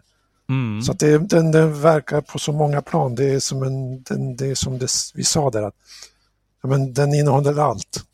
Just det. Nu behöver man Och inte bli fanatiker och bara läsa Mahabharata dag ut och dag in, men den är en väldigt fin encyklopedi på indiskt liv och leverne och det är liksom det det är en gammel, gammal värld som målas upp. Mm. Den har någon sorts feodal känsla då med att man ska vörda den sanne kungen och man ska vörda överklassen och det där behöver vi ju inte ta till oss helt och hållet. Men ändå, den har liksom det där ekot i gamla valv, att det, är, det finns mycket gammal visdom som vi idag har orättfärdigt glömt bort. Mm. Ja, det gör det verkligen. Och indierna, de är ju mästare på det där. Att eh, ordna en ramberättelse där det ena efter det andra efter det tredje kommer igen. Det kan vara, oftast är det ju berättelser, men det kan även då vara sådana här filosofiska utläggningar eller eh, eh, hur kungen ska eh, uppträda och, och klara av sin uppgift. Och eh, allt det får plats i ramberättelsen. Eh, den, den mest kända av alla sådana är väl Tusen och en natt. Eh, eh, och den kom ju ursprungligen från Indien, de berättelserna. Ja, jo, det är ja, de, vissa säger det. Ja, okej. ja. ja, de har väl ändrats på vägen i alla fall. men, Jo, men det ja, kan vara på men- det att, som jag antydde att Indien är en mycket äldre kultur än Mellanöstern. Mm, Det går liksom, civilisation, civilisationen har successivt gått från öster till väster. mm, Det ligger någon sanning i den där gamla mm, åsikten att Indien hade en tidigare start. mm. Så att det är därför vi kan, man som Schlegel kan säga, ja men allting kommer från Indien. Och det, det, ja, det är en mäktig urkälla, det är bara så. Det, Ja, det är många rika skikt. Det är som om man gräver i jord. Om man gräver i jord här kanske man bara hittar sand, men om man går ner i floddalar med vattenrika, de vattenrika dalarna, där hittar man liksom flera kulturskikt, flera överlagringar. mm, Och det är ju den myllan som Mahabharata växer. mm, Att det är liksom en liten synbarligen simpel sidoberättelse, den kan visa sig vara väldigt vis och den kan innehålla många överraskande aspekter. mm. Mm. Ja, eh, det, det finns ju eh, samtidigt, eh, o- oavsett om de har påverkats av varandra så ser vi hur många av de här berättelserna och myterna, de, de finns ju på även andra platser. Jag hade det här med eh, att eh, det, det, bara Arjuna kan spänna bågen, det känner vi från Odysseus. När Krishna som eh, är osårbar utom på fotsulan, det känner vi igen från Achilles och hans häl. Mm. Eh, vi har det här byggande av slottshall, känner vi igen från Valhalla, hur det byggs eh, och Ja, hur just det leder till en konflikt. Eh, eh, och många andra, eh, väldigt många. Kriget i sig har vi också även det trojanska kriget. Eh, Mm. Eh, Men även över det att det ligger ett kosmiskt krig, ja, det har vi ju mellan asarna och jättarna eh, hos oss. Eh, att de här sakerna, de finns i alla fall på indoeuropeiskt område. Jag kan inte uttala mig eh, för alla andra, men det finns ibland liknande där också. Och det var ju det här med att när Karna, det lilla spädbarnet, sattes i korgen. Det är ju från samma som i Bibeln, Ja, precis. Moses. Moses, ja. Så att i, i mestadels så kommer man, när man läser Mahabharata, då kommer man att tänka på indoeuropeiska kulturer i andra delar. Som Mm. du har antytt då, i Grekland, Rom och Mm. Norden. Mm. Så det är, väldigt, det är liksom väldigt ariskt på så vis. Mm. Men sen finns det också eh, anknytningar till Indiens egen inre kultur som ju är någon sorts matriarkat och stamreligion och de dyrkar Shiva i nattens mörker. Mm. Och det finns också lite grann om Shiva i Mahabharata, trots att det är Mm. ändå en vishnuitisk, huvudsakligen vishnuitisk text. Så man kan, de hedrar även Shiva i den. Det jag tror även Krishna på något ställe, han säger ja men man ska hedra Shiva. Mm. Så det är väldigt typiskt indiskt att de, de, får med hela, de får med hela spektrat. Ja. Det är inte alltid så fanatiskt rätt eller fel, svart och vitt som i västvärlden. Nej. Nej, är det sant? Eh, eh, ska, ska jag lägga till lite om det här? Jag vet inte, ibland, eh, jag tycker det kan vara lite fjompigt det här. De försöker jämföra uh, Mahabharata, till exempel med Iliaden. Uh, Iliaden är ju, den anses ju väldigt kraftfull konstnärligt sett, mm. men den är ju liksom mycket kortare. Så det, det är lite dumt. Man kan ju jämföra, det finns ju så här homeriska cykler, alltså det finns, eh, brukar man säga, sju stycken epos fanns det om trojanska kriget. Eh, mm. Men det är bara eh, de av Homeros som har överlevt. Jo, men det, jo, det kan ligga någonting i det att Homeros han startade inte från noll utan han hade någon sorts han satt väl inte och läste, han satt ju inte och läste texter. Men det fanns i den bardkulturen att man sjöng sånger om Iliadenkriget. Mm. Och Homeros han kondenserade dem och han gjorde det kortare och lättare att minnas genom att han började mitt i handlingen och så fokuserade han på en konflikt mellan var det Achilles och Agamemnon. Mm. Ja, precis. Men det gör ju, och... det att, det gör ju att, att Iliaden är mer konstnärlig än Mahabharata. Exakt. Liksom när man läser Mahabharata från början, det är lite krångligt att riktigt komma in i den. Mm. Alltså en oberedd läsare som läser Penguin Classics The Mahabharata mm. översatt av John D. Smith. Han kommer att hitta massa avvikelser och det är liksom, jag måste ju ge det till Homer, jag måste ju ge det åt Homeros att, Homeros att han, han skapade en konstnärlig vinkel på det hela. Mm. Och det är den som har gjort att hans version har överlevt. Ja, men precis. Det ska man säga. Och vi ska samtidigt se till Mahabharatas eh, försvar här då. Att mm. eh, som jag, oftast är det ju, det mesta är ju på vanlig prosa.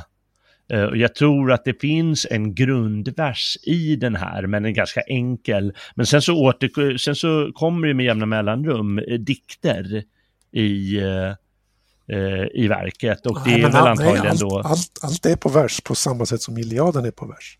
Ja, och det är på vers, ja precis. Eh, men, men är resten på vanlig prosa då? Nej, allt, eh, liksom, är, allt, allt är på vers. Allt är på vers, ja precis. Det, om okay. du har sett en originalvers ur Bhagavad Gita, det är liksom allting är precis som Ja, ja men om jag förstått det så finns det en viss, de kallar det sloka-verser. Ja, men det är, eh, som är grunden för det. Ja, 90 procent är ju sloka-meter. Ja, precis. Men så ibland är det andra diktformer i den, eller? Jo, då är det andra versmått. Men det är hela ja, tiden precis, går det ja. att sjunga. Ja, och, då kanske, de, som... och de är lite mer konstnärliga. Ja, antar jag. det är de egentligen inte. Det är Rolf Nej. Jonsson har, han har översatt dem på olika sätt. Han har översatt mm. shloka som prosa och han har översatt mm. eh, Tristub som frivers. Okej. Okay. Men det är mm. liksom jo, bara, det, det, såg jag också. Det, det, är bara hans smak. Som, ja, det är hans smak. Ja. Jag har sett liknande i andra översättningar. Man, man kan ju hitta det på lite alla möjliga håll. I, ja. Om man liksom går in på indiska hyllan i antikvariaten så hittar man ja. ibland någonting som kan hjälpa en. Oh. Eh, så finns det någon del ur, ur Mahabharata där. Oh. Eh, jag har några böcker. Jag har en annan här som heter Hinduismens heliga skrifter. Det är också en ny bok eh, som kom för några år sedan. Den som Måns Bro skrev. Just det, ja. Och där finns också eh, några avsnitt ur eh, Mahabharata och, och Ramayana tror jag som du, som du nämnde. Mm. Och då gör de på lite olika sätt eh, när de översätter. Och även den här engelska översättningen som du sa. För de som vill liksom ha en längre, eh, liksom längre del av verket, kan inte du säga vilka, det, vilka möjligheter det fanns där på engelska? Ja, det finns ju, det finns ju en översättning från 1800-talet som, mm. som omfattar hela Mahabharata utan förkortningar. Och eh, ska vi se här vad jag hittar.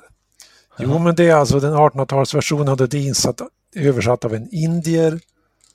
Och denne man hette Jo, den heter The Mahabharata Translated into English Prose av mm. Pratap Chandra Roy. Mm. Och den har jag faktiskt fysiskt stött på när jag studerade indologi och skulle ha koll på lite grejsmåls. Mm. Men det är liksom hanterbara böcker. De, det är som en, inte en foliant, utan det är ungefär som en ja, inbunden gammal bok, Franske Bengtsson. Ja, precis. Ja, men då en tiobandare, det är väl, det kan man väl ha i, i bokhyllan. Precis, det är kanske tio, drygt tio band, men det går att ha i bokhyllan. Men det mm. roliga är att den även finns på, den finns även på nätet. Mm. Mm. Och det är om man, man kan slå in Pratap Chandra Roy Mahabharata. Då kommer man ant, antingen till massa bokhandlar då. Men om man skriver online version. Precis. Då, ja, då får man ju upp den. Ja, alltså den som, vill, den som vill hitta Mahabharata översatt till engelska av Pratap Chandra Roy, han kommer att hitta den. Pratap Chandra Roy. Ja, mm. och då mm. står det så att han var egentligen bara bokhandlaren som gav ut det, men hans namn finns nämnt. Mm. Och själva översättaren heter Kisari Mohan Ganguly. Mm.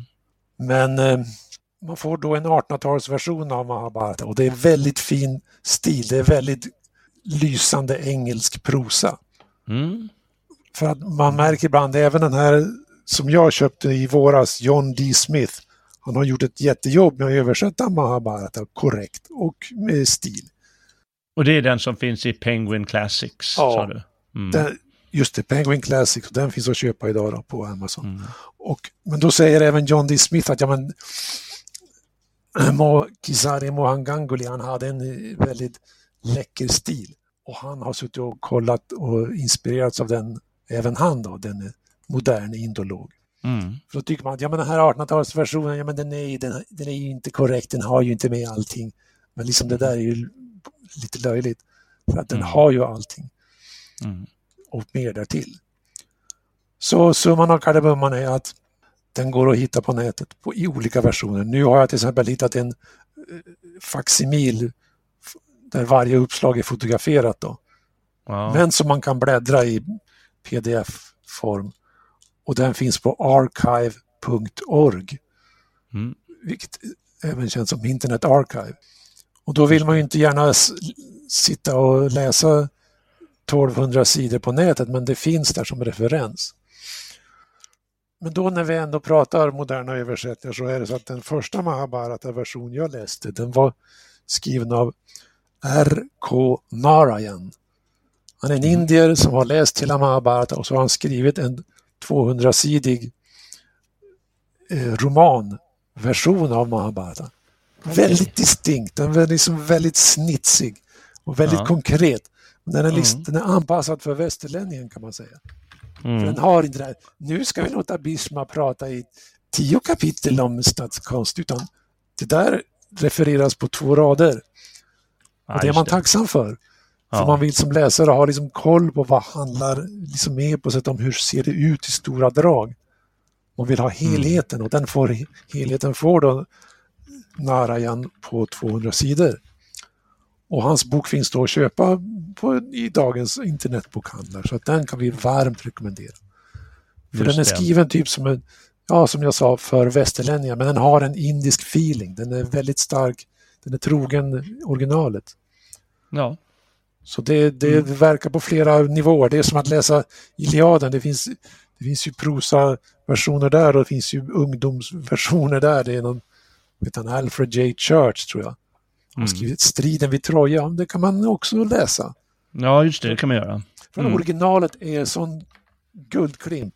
Så att det spelar ja. ingen roll om man läser en, om en referat här och där är lite för kortfattat eller lite för... Nej. Det låter lite för dumt. Utan ja. man får inte vara kitslig utan man kan börja i vilken ände som helst. För det är original, originalet är guld.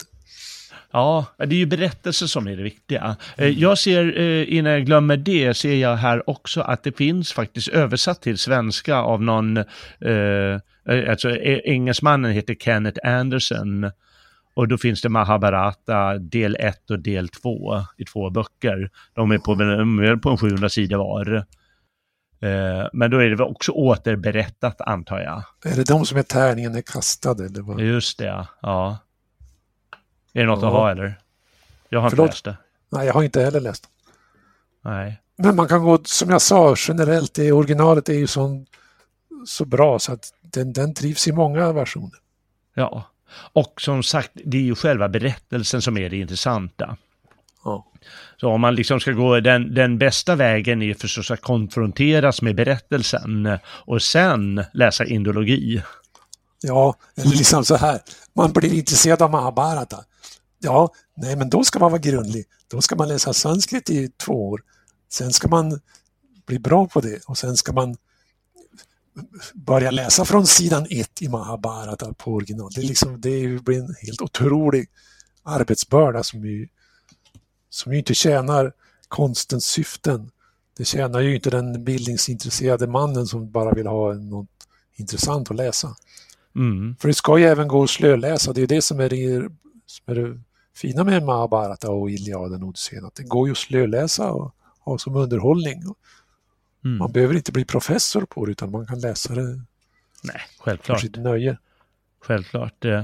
Eh, Man måste givetvis konfronteras med alla de här eh, personerna och så vidare med konstiga namn. Men det är ju inte annorlunda än att man måste läsa, om man läser Iliaden eller ett, även som du sa, en roman om Iliaden, så är det också en massa konstiga namn till Mm. Ja. höger och vänster. Eller låt oss säga bröderna Karamazov eller något sånt av, av, av någon ryss med, med hundra ryska namn.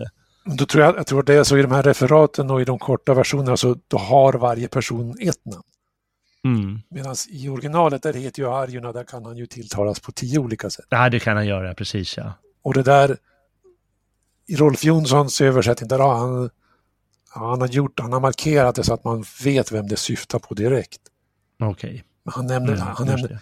då kom Arjuna Mahabahu eller då kom Arjuna Parantapa. Ah, Så då får man direkt just- se det. Så då är det Mm. lättare än att läsa en rysk roman där de har olika namn, Ja. olika liksom, epitet, ja. det är olika smeknamn som eh, kastas in utan att man fattar. Mm. Så det är ändå inte så svårt. Nej. Och eh, kan jag bara säga för den som ändå tycker att det här låter jättespännande att eh, man kan som sagt köpa den här av Rolf Jonsson, Mahabharata, och det är Bharata med BH. Eh, Den som intresserar sig av Bhagavad Gita, det finns ju också en eh, ny översättning av Martin Gansten, tror jag han Mm. heter. Den har inte jag hemma, jag har den här gamla Ja. av Nino Runeberg. Ja, den kan man läsa online också på, på det är runeberg.org. Ja, just det. Jo, men den gamla går också att läsa. Det är som Mm. samma som med Mahabharata. Originalet är så, Precis. så rikt så att det, gammal stil, det gör inte någon... Inte Nej, det gör ingenting. Den här går alldeles utmärkt att läsa. Ja. Den Bhagavad Gita som är gamla, den har jag framför mig här. Eh, Men den kan man också hitta i ny översättning. Det finns säkert att köpa någonstans. Ja. eh. Jo, men den, Martin Ganstins översättning är, den är väldigt bra för att han tar sig inte så mycket friheter. För Mm. liksom i vissa översättningar, det finns en engelsk översättning av någon spanjor eller vad han heter, Mm. Juan Romero eller vad det nu var. Men han tar sig friheter så att han kan liksom, han får det att låta lätt, det blir lättläst. Men sen när man Mm. går tillbaka och tittar, ja men han säger soul, själen på ena sidan, sen säger han anden på andra sidan, men då är det ändå samma sak. Mm. Men Martin Gansten, han begår inte det felet för han, om Martin Gansten skriver anden, ja men då är det prana i originalet. Mm. Det kan man vara säker på i nio fall av tio. Och i tionde fallet då har han gjort en, en, en konstnärlig frihets... Han har hänvisat till konstnärlig frihet. Men liksom, Gansten är pålitlig för man kan liksom ur översättningen dechiffrera vad sanskrit-termen är. Mm. Så att det, den är bra för till exempel religionsvetare då, idag som vill Okej. studera Bhagavad Gita. Då kan de läsa den och så kan de få lite systematik. Ja, det tycker jag att man ska göra. För det är, eh, jag tycker man får en tankeställare när man läser Bhagavad Gita. Att, eh, ja men vad är min plikt egentligen i kretsloppet? Eh, Mm. Jo, men den Bhagavad Gita den är liksom den mest kända indiska urkunden. Mm. Och alla indiska gurus av format har kommenterat den. Ja. Från, från urtiden till idag till den här, vad heter han, Prabhupada som ju har den så kallade Hare Krishna-versionen av Bhagavad Gita. Men Mm. också den är väldigt i stort sett läsvärd. Ja, det är fascinerande verk det där med Mahabharata. Det är världens längsta bok, brukar det kallas för, och Bhagavad Gita är världens mest kommenterade del av en Mm. bok. Ja, precis. Jo, men det hör till allmänbildningen att känna till. Ja. det är mycket världens längsta, världens mesta, världens längsta när det gäller eh, den här. Och eh, de var väl extrema indierna på sitt sätt. Eh, och eh, det ska vi vara tacksamma för, för att de har den extrema memoreringskonsten mm. och att eh, det här ska bevaras till varje pris. Mm. Och så, för man får ju, ja, man, man får sig ju en dos. För, för den som gillar sådana här äventyr får man ju verkligen någonting. Jo, det är det som är det lustiga med Mahabharat, att den har traderats till, ja, till, till omkring år noll. Den har traderats muntligt. Mm. Liksom vilken väldig massa av information och, som har överförts då från mun till mun. Ja. Och det var ju samma dag som Iliaden och Odysseen, också traderades muntligt och sen mm. fästes det på pränt någon gång kring mm. 300 före Kristus eller när det var. Ja, Så att det, ja, det är en mäktiga andens skapelser. Ja, det är det verkligen. Eh, det är det verkligen. Jag tycker väl att eh, om, jag, jag är ju inte så insatt i, i det här. Jag är eh, faktiskt mycket mer eh, åt det grekiska och så. Men om jag bara får säga de, tycker jag, de saker jag har fastnat för som jag tycker är mest fascinerande så är det dels den här kosmiska dimensionen. Den tycker jag är så viktig mm. i verket. Att det liksom ger en sån laddad dimension. Jo, precis. De eh. säger, det sägs rent ut att det här är strid mellan gott och ont. Och det ja, börjar i himlen. Det börjar i himlen helt enkelt. Mm.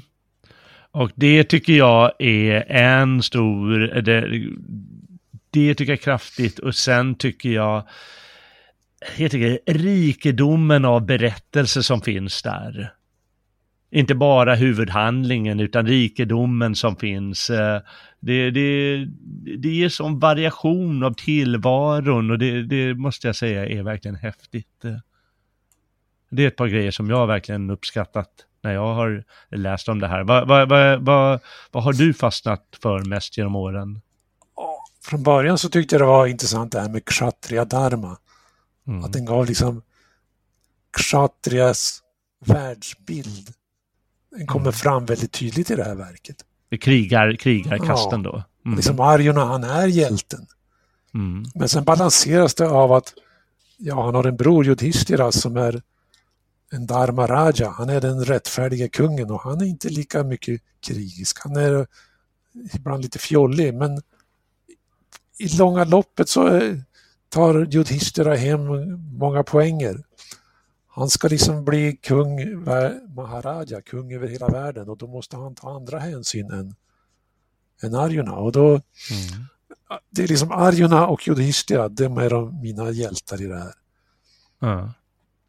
Och sen då lite även Bhishma, han som är han är liksom på den onda sidan, han är på Duryodanas sida.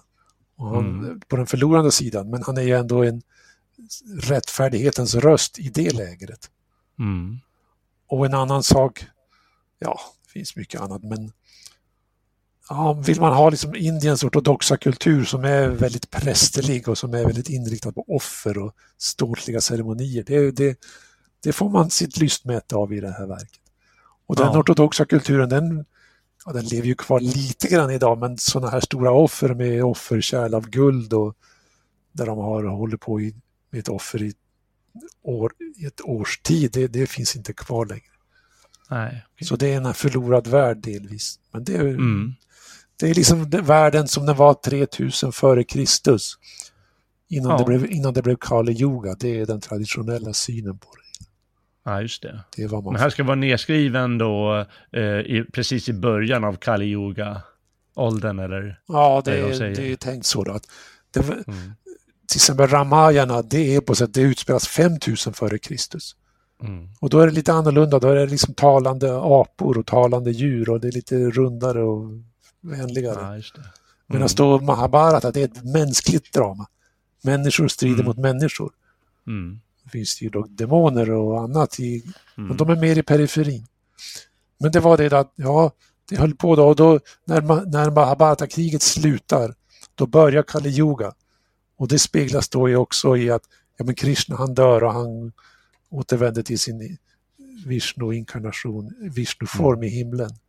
Mm. Det är att när, när Krishna dör, då börjar Kali Yuga och Kali Yuga varar till 1899 i vår tidsålder. Mm. Och nu är det lite ljusare igen, nu kan vi andas. Nu kan vi andas igen, ja. jo, men det är sånt man får perspektiv på med Mahabharata. Ja. Ja. Det är härligt, det är spännande. Eh, vi skulle säkert kunna hålla på tio timmar här, men det ska vi inte göra, eller hur? Nej, inte den här gången. Nej, inte den här gången. Det får bli nästa gång. Maratonsändning, eh. vi läser Mahabharata. Ja, precis. det blir en lång sändning. Ja, det får vi väl spara till några andra liv. Men eh, att man kommit ifrån att det här är eh, verkligen någonting att ta till sig och vare sig man då, eh, som du sa, med krig, krigarkastens förpliktelser och olika eh, syn på hur den kan ta sig och det mänskliga där i, eh, det tycker jag också är verkligen, verkligen spännande. Eh, eller de här mer kosmiska dimensionerna eller religiösa dimensionerna. Mm så kan man, man kan slås av allting eller bara den rena berättelsen som också är väldigt eh, härlig och frodig. Det är som alla får säga sitt i det här. Krigarna ja. får säga sitt och även prästerna och även kvinnorna får säga sitt. Jajamän. Det finns en hel bok om hur när kvinnorna sörjer över de stupade i kriget. Så det är liksom kvinnosynpunkter. Det är väldigt... Mm. Det är hela spektrat. Ja. Ja. Nå, eh, den, som, den som vill fördjupa sig, han eller hon har fått eh, möjlighet att ta reda på hur man, hur man gör det helt enkelt. Eh. Ja, nej, ja. vi får väl vara nöjda med det, eh, Lennart. Eh, mm. Eller vad tycker du? Jo då, vi har speglat allt som man kan ja. begära. Ja, det har vi. Eh, stort tack för eh, din, eh, eh, din hjälp. Det hade aldrig gått utan, utan den. Ja, jo men tack själv.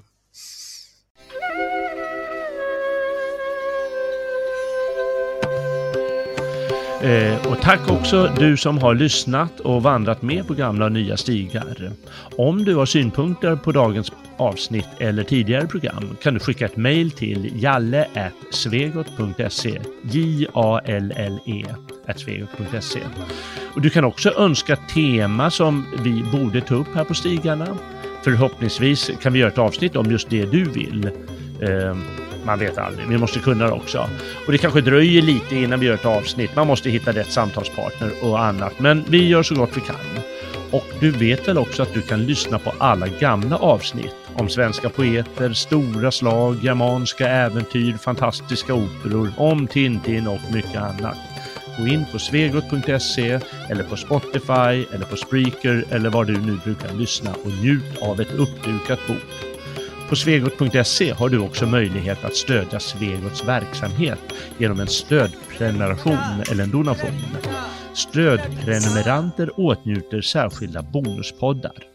Stort tack till alla er stödprenumeranter. Det är ni som gör det här möjligt. I nästa avsnitt här på Stigarna tar vi tag i nya germanska äventyr genom att belysa en av urkunderna om de germanska folken under forntiden. Den romerska historikern Tacitus bok Germania. Hoppas att du vill vandra med oss då också. Väl mött, frände!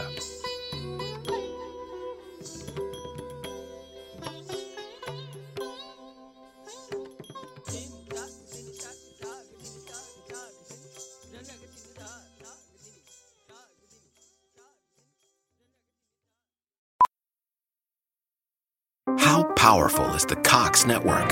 So powerful that one day the internet will let your doctor perform miracles from thousands of miles away. Connecting to remote operating room. Giving a whole new meaning to the term house call. Operation complete. The Cox network. With gig speeds everywhere, it's internet built for tomorrow, today. Cox, bringing us closer. In Cox serviceable areas, speeds vary and are not guaranteed. Cox terms apply, other restrictions may apply.